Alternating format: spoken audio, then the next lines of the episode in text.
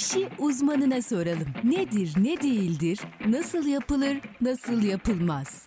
İşin uzmanı her cuma saat 16'da Radyo Radar'da. İşin uzmanı başlıyor. Değerli Radyo Radar dinleyicileri ve Kayser Radar takipçileri, İşin Uzmanı programı ile karşınızdayız. Ben Bilge Nur Ülger. Her hafta farklı bir uzmanı ve uzmanlık alanını konu aldığımız İşin Uzmanı programında bu haftaki konuğumuz e, diksiyon eğitmeni Seyit Bilal Kaptan. Hoş Merhabalar, geldiniz. hoş bulduk. Teşekkür ederim. Hatta yanlış bir giriş yaptım. Merhabalar değil, merhaba. Merhabanın çoğulu olmaz. Hoş geldiniz. Hoş bulduk, sağ olun, teşekkürler. Bizi kırmayıp geldiğiniz için teşekkür ederim. Estağfurullah, ben de böyle bir programda olmaktan büyük keyif duyuyorum. Sizlerin nezdinde tüm seyircilerimizi, dinleyicilerimizi en kalbi duygularımla selamlıyorum. Teşekkür ederiz. İşin Uzmanı programını Instagram'da Radyo Radar 918, Facebook'ta Radar Kayseri, Kayseri Trafik Kaza Gündem, İşte Radar, Kayseri'de son dakika hesaplarımızdan canlı görüntüleyebilirsiniz. Aynı zamanda 91.8 frekanslarıyla radyomuzdan da dinleyebilirsiniz. Ee, önce sizi tanıyalım. Peki, tabii ki. İsmim Seyit Bilal Kaptan. Erciyes Üniversitesi İşletme mezunuyum. Şu anda yüksek lisans yapıyorum. 2010 yılından beri eğitim ve danışmanlık işiyle uğraşıyorum. 16 farklı başlıkta eğitim veriyorum. Diksiyon, iletişim, beden dili, protokol kuralları, zaman yönetimi, takım ruhu gibi. Bunun dışında protokol sunuculuğu yapıyorum, seslendirme yapıyorum, moderatörlük yapıyorum. Türkiye Belediyeler Birliği'nde eğitmenim. Kamu kuruluşlarına, özel sektöre, iş insanlarına, siyasetçilere gerek bireysel gerek grup olarak eğitimler veriyorum. O zaman başlayalım. Buyurun. Bizim bugünkü konumuz da yine diksiyon. Evet. Ee, hepimiz için önemli doğru konuşmak, doğru Türkçeyi konuşmak. Ee, diksiyon eğitimi nedir?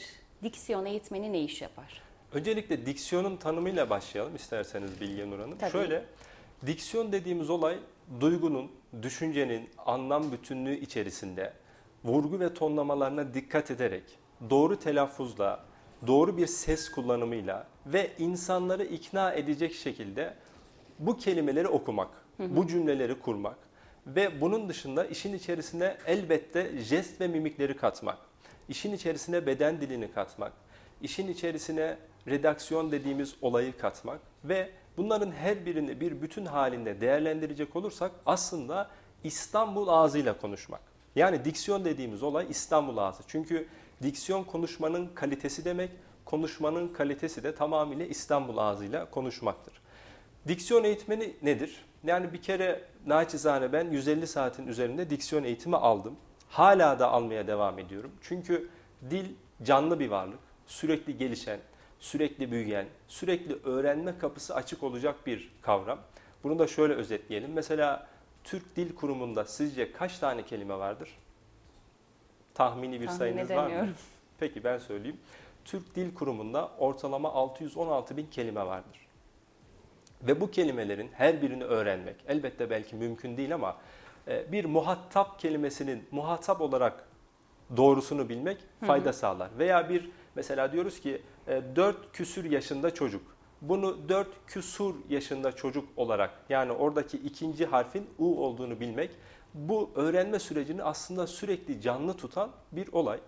Diksiyon eğitmeni işte bunları öğrenen, sürekli öğrenme sürecinde bu işleri devam ettiren ve bunun nezdinde de e, bir eğitim programı ayarlayıp bunu kamu kuruluşlarına, özel sektöre, bireysel olarak iş insanlarına, siyasetçilere yani kısaca güzel konuşmak isteyen herkese bunları anlatan, aktaran, uygulamalı bir şekilde bu süreci tamamlatmaya vesile olan kişidir. Ee, peki e, diksiyon ve hitabet aynı şey mi? Şöyle söyleyelim, hitabet dediğimiz olay retorik, ikna etme. Şimdi iletişimin tanımına, tarifine baktığımız zaman karşımıza şu çıkıyor. Diyorlar ki duygu, düşünce ve davranışın akla gelebilecek her türlü yolla karşı tarafa aktarılmasıdır iletişim. İletişimin sonunda insanların tutumlarını, niyetlerini, algılarını değiştirmek ve bunun sonucunda ikna etmek ve en sonunda da davranış değişikliğine götürmek vardır. Bunun için hitabet, retorik dediğimiz olay devreye girer. İşte retorik sanatının kurucularına baktığımız zaman bir Sokrates'i görebiliriz, bir Demosthenes'i görebiliriz ki Demosthenes milattan önce yaşamıştır, kekemedir.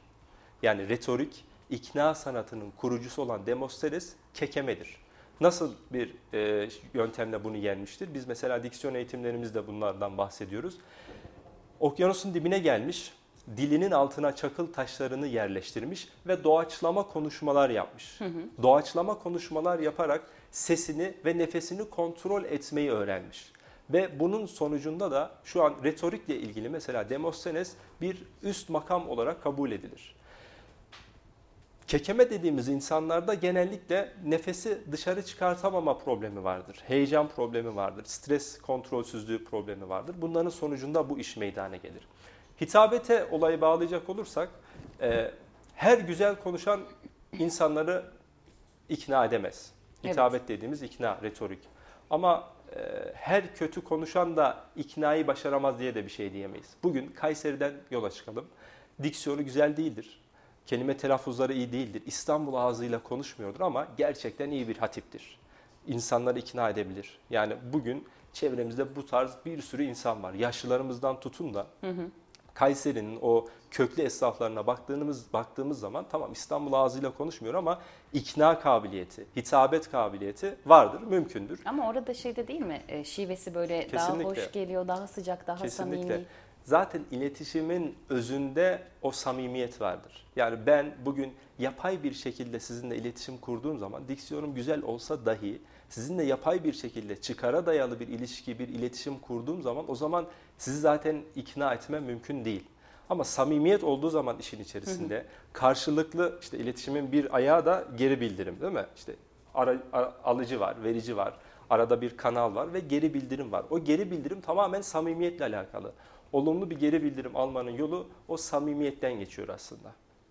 Ee, şimdi mesleğe yeni başlayacak olanlara da önerilerinizle başlayalım. Ee, bu mesleği seçmek isteyen insanlarda e, belirli kriterler var mı? Ben şöyle anlatayım bu olayı. Ben yaklaşık bir 10 yıl kadar sarrafta çalıştım. Ben o zamanlar orta birde falan girdim. Üniversite dörde kadar. O zamanlar içeriye müşteri girmesin diye Allah'a dua ederdim. Niye? Çünkü içeriye kadın bir müşteri girecek.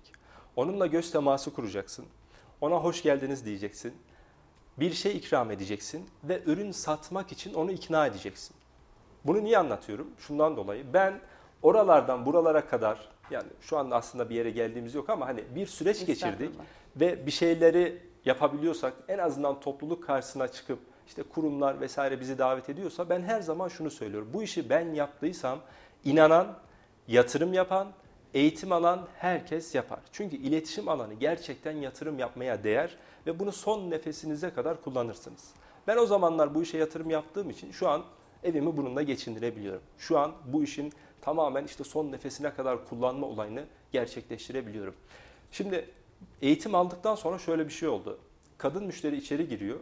Sarraftan örneğe devam ediyorum. Hı hı. Diyor ki Sarraftayken ben, eğitim almaya başladınız değil mi? E, ortaokul ve lise yıllarında diyelim. Hı hı. Yani bir gençlik döneminde ama üniversitede artık tamamen profesyonel bir şekilde bu işe başladık. Kadın müşteri içeri girdiğinde herhangi bir künye tablasını istediğinde ben künyeyi kolunda o denerken göz bebeklerine odaklanıyordum.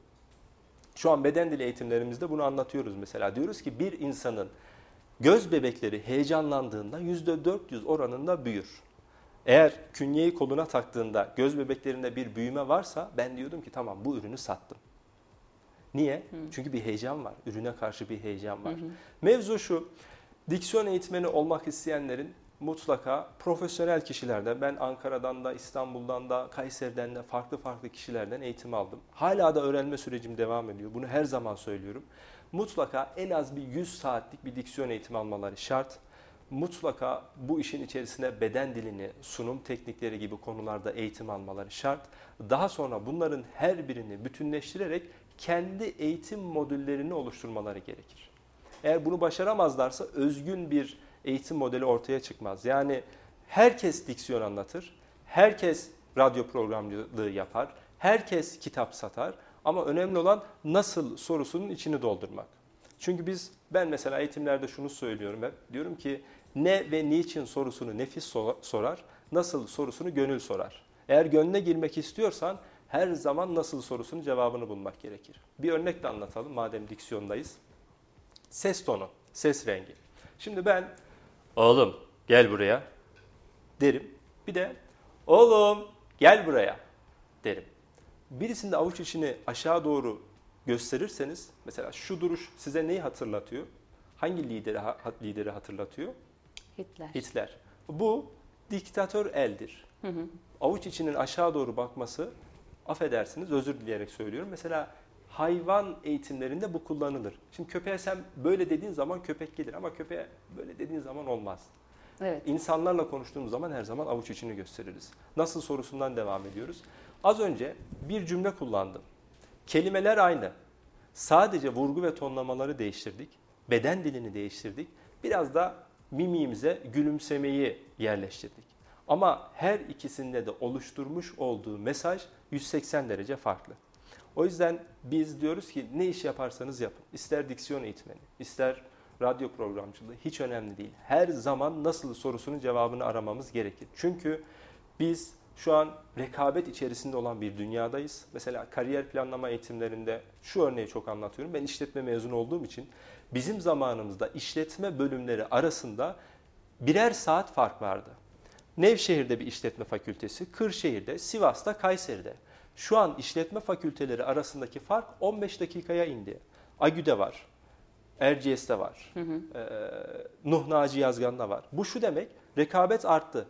Rekabet arttığı için de senin diğerlerinden bir farkının olması için her zaman nasıl sorusunun cevabını bulman gerekir. Şimdi biraz evvel siz de söylediniz ya, e, dil böyle yapışıyor. Mesela bu dinlediğimiz insanlarla da çok alakalı.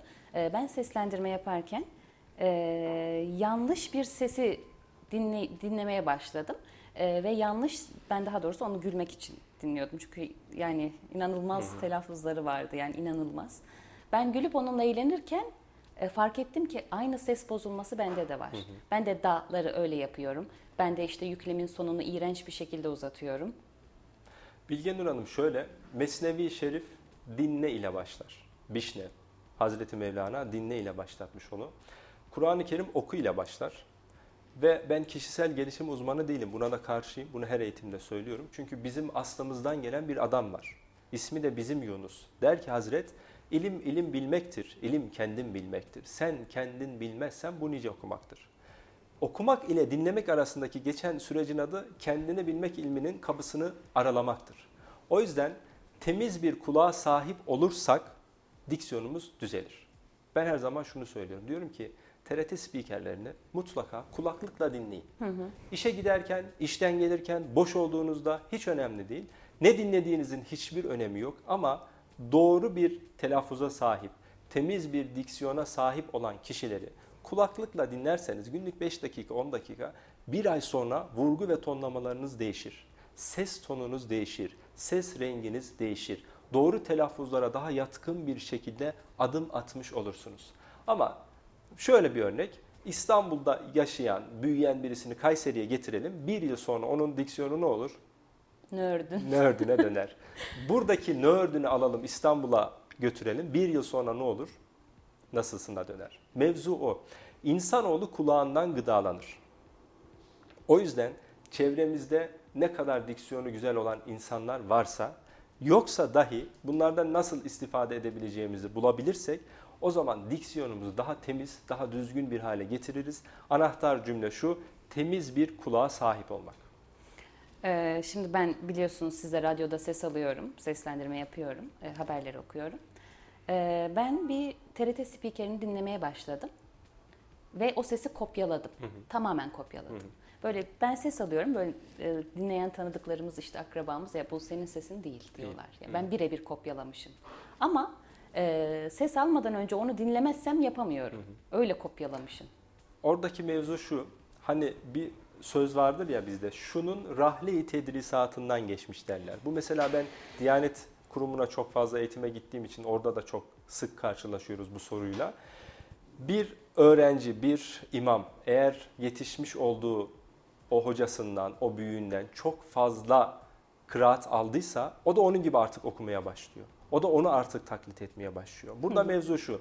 Orada doğru vurgu ve tonlamayı alıp kendi ses renginizi katarak doğrusunu icra edebilmek.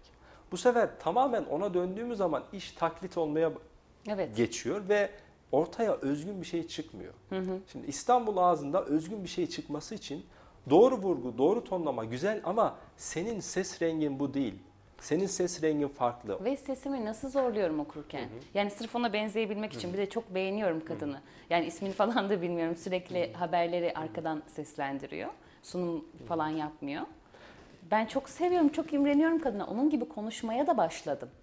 Öyle olur zaten. Ya şöyle düşünün. Şimdi bende mesela bu çok oluyor. Babamın telefonunu açtığımda e, Abdülkadir Bey siz misiniz diyorlar. Niye? Çünkü biz o ses rengini, ses tonunu anne ve babadan alırız öncelikle.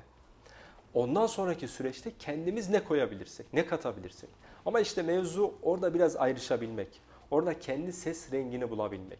Bir insan kendi ses rengini en güzel şekilde şöyle bulabilir. İki örnek göstereyim. Bir, müezzinleri düşünün. Onlar ezan okurken şu şekilde ezan okur. Hı hı. Şu şekilde konuştuğunuz zaman şu an buradan ses renginiz kulağınıza gider. Ve burada doğru ses renginizi, doğru ses tonunuzu bulabilirsiniz.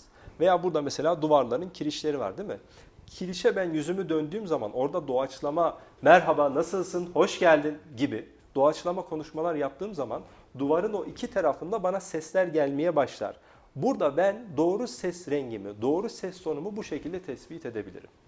Ee, bir takipçimizin sorusu vardı. Soruları sona bırakmak istemiyorum. Nasıl Şimdi biz e, konuşmuş olacağız, Hı-hı. cevap vermiş Hı-hı. olacağız. Sorusunu sormamışız gibi tabii, olacağız. Tabii. Problem değil. İyi yayınlar. Hocamıza teşekkür ederiz. İyi bir seslendirici olmamız için nereden başlamamız gerek başlamamız gerekir? Demiş. E, şu an karnımı çekebiliyor musunuz? Karnım gözüküyor mu şu an? Bakın iyi bir ses tonuna sahip olmak için şuradan başlayacaksınız. Karnıma odaklanın. Diyafram nefesinden. Eğer göğsünüzden ve omzunuzdan nefes alıyorsanız o zaman yanlış nefes alıyorsunuz demektir ve yanlış nefes alan birisinden doğru ses asla çıkmaz. Göğüs ve omuz nefesi bizim asla olmaması gereken çünkü diyafram dediğimiz akciğeri tam kapasiteyle kullanmaktır. Diyaframdan doğru bir şekilde nefes alırsanız, dik bir vücuda sahip olursanız, birazca biraz da nota bilgisine sahip olursanız işte kalın doğudan ince doğuya kadar notalar var. Merhaba, hoş geldin, nasılsın? Bu kalın doğu. Merhaba, hoş geldin, nasılsın? Bu re. Merhaba, hoş geldin, nasılsın? Burada biraz fa, coşku ve heyecan var. Hangisini nerede nasıl kullanacağınızı bilirseniz doğru bir ses rengine sahip olursunuz. Ama birinci madde diyafram nefesi. Evet, teşekkür ederiz. Takipçimize de teşekkür ederiz sorusu için. Ee, diksiyon eğitimini kimler almalı? Şimdi şöyle, e, bazen yapmış olduğum paylaşımlara şöyle yorumlar geliyor. Özellikle Kayseri'deki takipçilerden. Niye herkes böyle konuşsun? Neden bu şekilde konuşmak zorundayız? Ben asla bunu savunmuyorum. Benim babaannem mesela hayatta ben asla babaanneme gidip de babaanne hadi bakalım şöyle konuş böyle konuş demiyorum. Veya ben şu an burada konuştuğum şekliyle eve gittiğimde eşime merhaba karıcığım nasılsın? Bugün yemekte kuru fasulye var mı? demiyorum. Hı hı. Samimiyet veya doğallık. Bir başka örnek anlatayım veya işte az önce bir yerde sunuculuk yaptık. Bir protokol sunuculuğu yaptığında sayın kaymakamım hadi bakalım sıra sende demiyorum. Hı hı. Mevzu şu neyi nerede nasıl kullanacağınızı bilmek ve buna göre işlemi, iletişimi, hitabeti gerçekleştirmek. Herkesin diksiyon eğitimi alması şart değil. Bugün köydeki o 80 yaşındaki teyzelerimizin, ninelerimizin diksiyon eğitimi alması şart değil.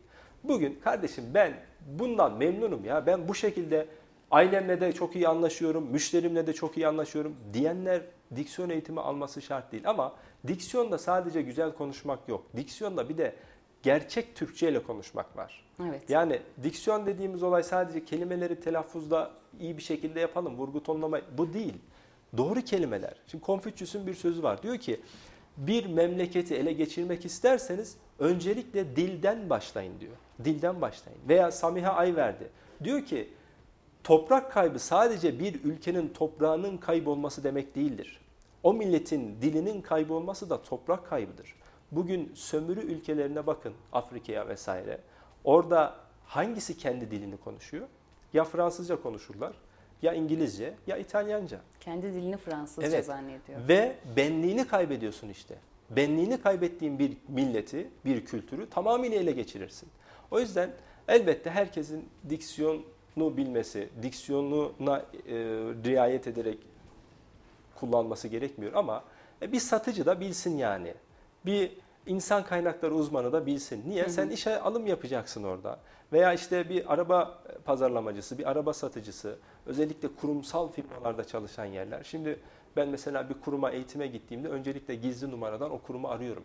Sekreter nasıl alıyor, açıyor telefonu? Alo diyerek açmak var. Bir de e, Kayseri Radar'dan Seyit Bilal ben. Buyurun size nasıl yardımcı olabilirim? Demek var. Şimdi oradan başlıyor işin kurumsallık boyutu. Yani bir insan gerçekten o kurumu sahiplenmiş mi? İşini sahiplenmiş mi?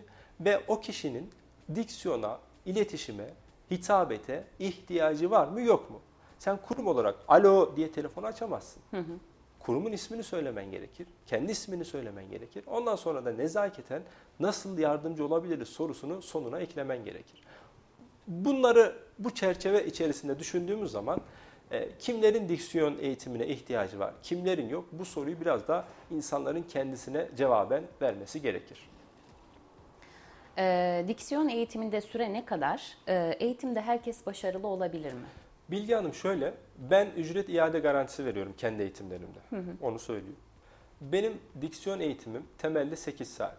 Şehir dışı veya yurt dışından katılanlarla Zoom üzerinden burada olanlarla yüz yüze ama sınırlı sayıda. Mesela bir grupta ben 20 kişi alıyorum yüz yüzede.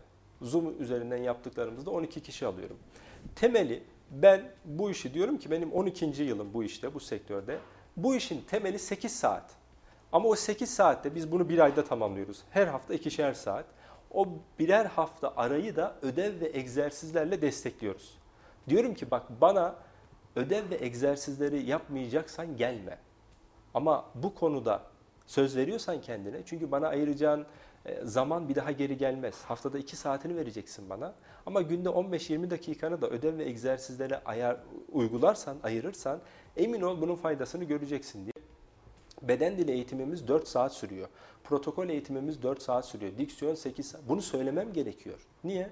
Çünkü adam oraya seni gel dinle, dinlemeye gelen kişilerin buraya ne kadar vakit ayıracağını bilmesi gerekir. Ve ben nerede hangi videoyu koyacağım, hangi fotoğrafı koyacağım, hangi espriyi burada araya serpiştireceğim. Doğaçlama, özür dilerim, e, kendim öncesinden bu sunumu yapmazsam bunları belirleyemiyorum işte. Hmm. Mutlaka öncesinden bu işi bir seferde olsa hatta mümkünse yakınlarına, eşlerine, birinci derecede akraba olabilir, arkadaş olabilir. Onlara sunmalarında fayda var. Ya ben de hep şey düşünüyorum. E, heyecanlanmazsam başaramam. O işte bir heyecan olmak Kesinlikle. Durumunda. Heyecan aslında o işe vermiş olduğunuz e, kıymetle alakalı. Evet. Önemli alakalı. Ve profesyonellik de biraz bununla alakalı. Bugün girişimcileri düşünün. O adam o ürünü üretmeden önce mutlaka yatağa girdiğinde heyecandan uyumaması lazım. Kafasını koyduğunda rahat bir şekilde uyuyorsa orada bir heyecan yoktur. Ya bugün Elon Musk'ı düşünün. Adam işte her yıl belirli bir ayda işte en son robot tanıttı. Veya işte Steve Jobs'ı düşünelim. Diyor ki her yıl Eylül ayında ben yeni bir öldü gerçi ama yeni bir ürün konsepti tasarlayacağım. Bir yıl boyunca o ürün konseptinin heyecanını yaşaması gerekir ve bu bir takım işidir. Bunu o takıma yansıtması gerekir. Ee, peki heyecanı yenmek için ne yapacağız? Heyecanı yenmek için aslında az önce bahsettik. Bol bol kesinlikle doğru nefes almamız şart. Hı hı. Doğaç, e, ayna karşısında konuşma yapmamız gerekir kendi videolarımızı mesela 2 dakika bir konu belirlesin izleyicilerimiz. Kendisini video kaydını alsın. Kameraya bakarak konuşsun. Acaba kameranın o lensine baktığında heyecan oluyor mu olmuyor mu? Veya kendisini izlerken ya şu beden dilini de yapmasam olur muydu? Ya şunu da aslında burada şöyle değil de böyle söylesem sanki daha sağlıklı olurdu. Kendi analizlerini yapsınlar.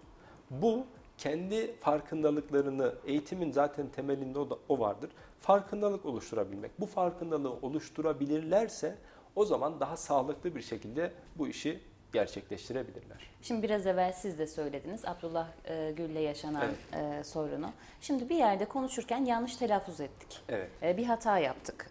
Bunun toparlamanın bir yolu var mı ve kendini düzeltmek doğru mu? Az önce biz kendimizi düzelttik mesela. Hakkari. Evet. Hakkari değil, Hakkari. Bunun ayıbı kaybı yok. 616 bin kelimeden bahsediyoruz. Önemli olan şu. Şimdi konuşmak işi nefse çok hoş gelen bir şey. Şu an mesela bizi belki burada 40-50 kişi izliyor. Veya sunuculuk yaptığınızda 300-500 kişi izliyor. Nefse çok hoş gelir bu. Niye? Bir tane konuşmacı var, 500 tane dinleyici var. Önemli olan şu. Kardeşim ben insanım.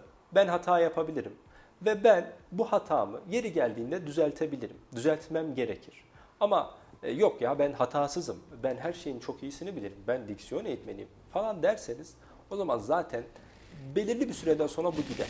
Yani 12. yılım eğer 12 yıl boyunca ben ben ben işte hiç hata yapmıyorum, çok iyiyim dersem emin olun belirli bir süreden sonra bu gider. Kimse sizi çağırmaz, kimse sizinle çalışmaz, kimse size bu alanda bir fırsat sunmaz. Hatayı yapıyorsak bunu nezaket diliyle, usulüne uygun bir şekilde, adaba karşı gelmeyecek şekilde düzeltmekte fayda var. Ama yok ya ben tam doğruyu söyledim zaten derseniz o zaten karşı tarafta hissedilir. Hmm. O zaman da samimiyet olmaz. Ee, peki sunum yaparken ya da eğitimlerinizde e, unutamadığınız bir an var mı? Yani çok anı var. Bir tanesini anlatayım. Şehir dışında bir yerde sunuculuk yapıyorum. Şimdi şehir dışının şöyle bir dezavantajı var. Kayseri protokolünü tanıyorum. Hı hı. Kim gelirse o anda anons ederim. E, simayen bilirim, ismen bilirim, görevini bilirim ama şehir dışında bu yok.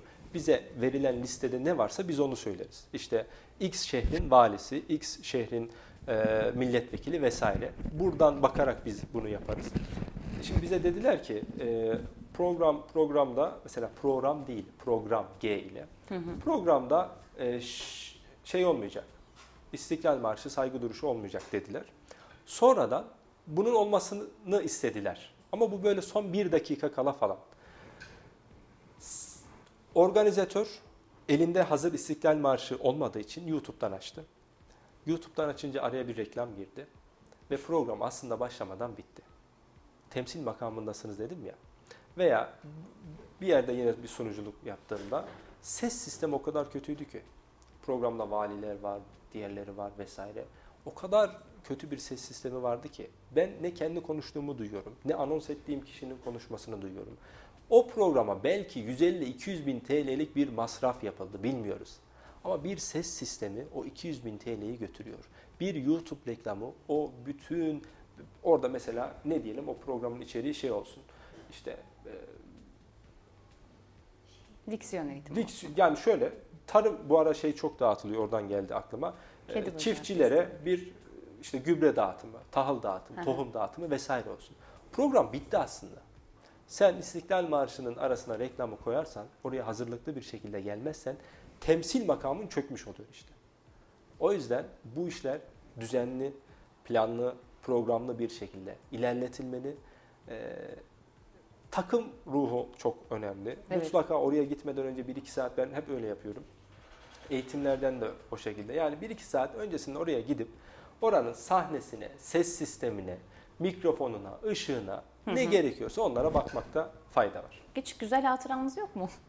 Güzel hatıramız var tabii ya. Yani ama işte o biraz şeye giriyor. Hani böyle kendini övmeye giriyor. Yok o yüzden, siz çok mütevazısınız. Evet, mütevazi, paralel, mütevazı, mütevazı doğrusunu kullandınız. Tevazu sahibi olan kişi. O da çok karıştıran bir şey. Ben de çok karıştırıyordum. Evet. Bugün öğrendim demeyelim de bugün düzelttim. Güzel.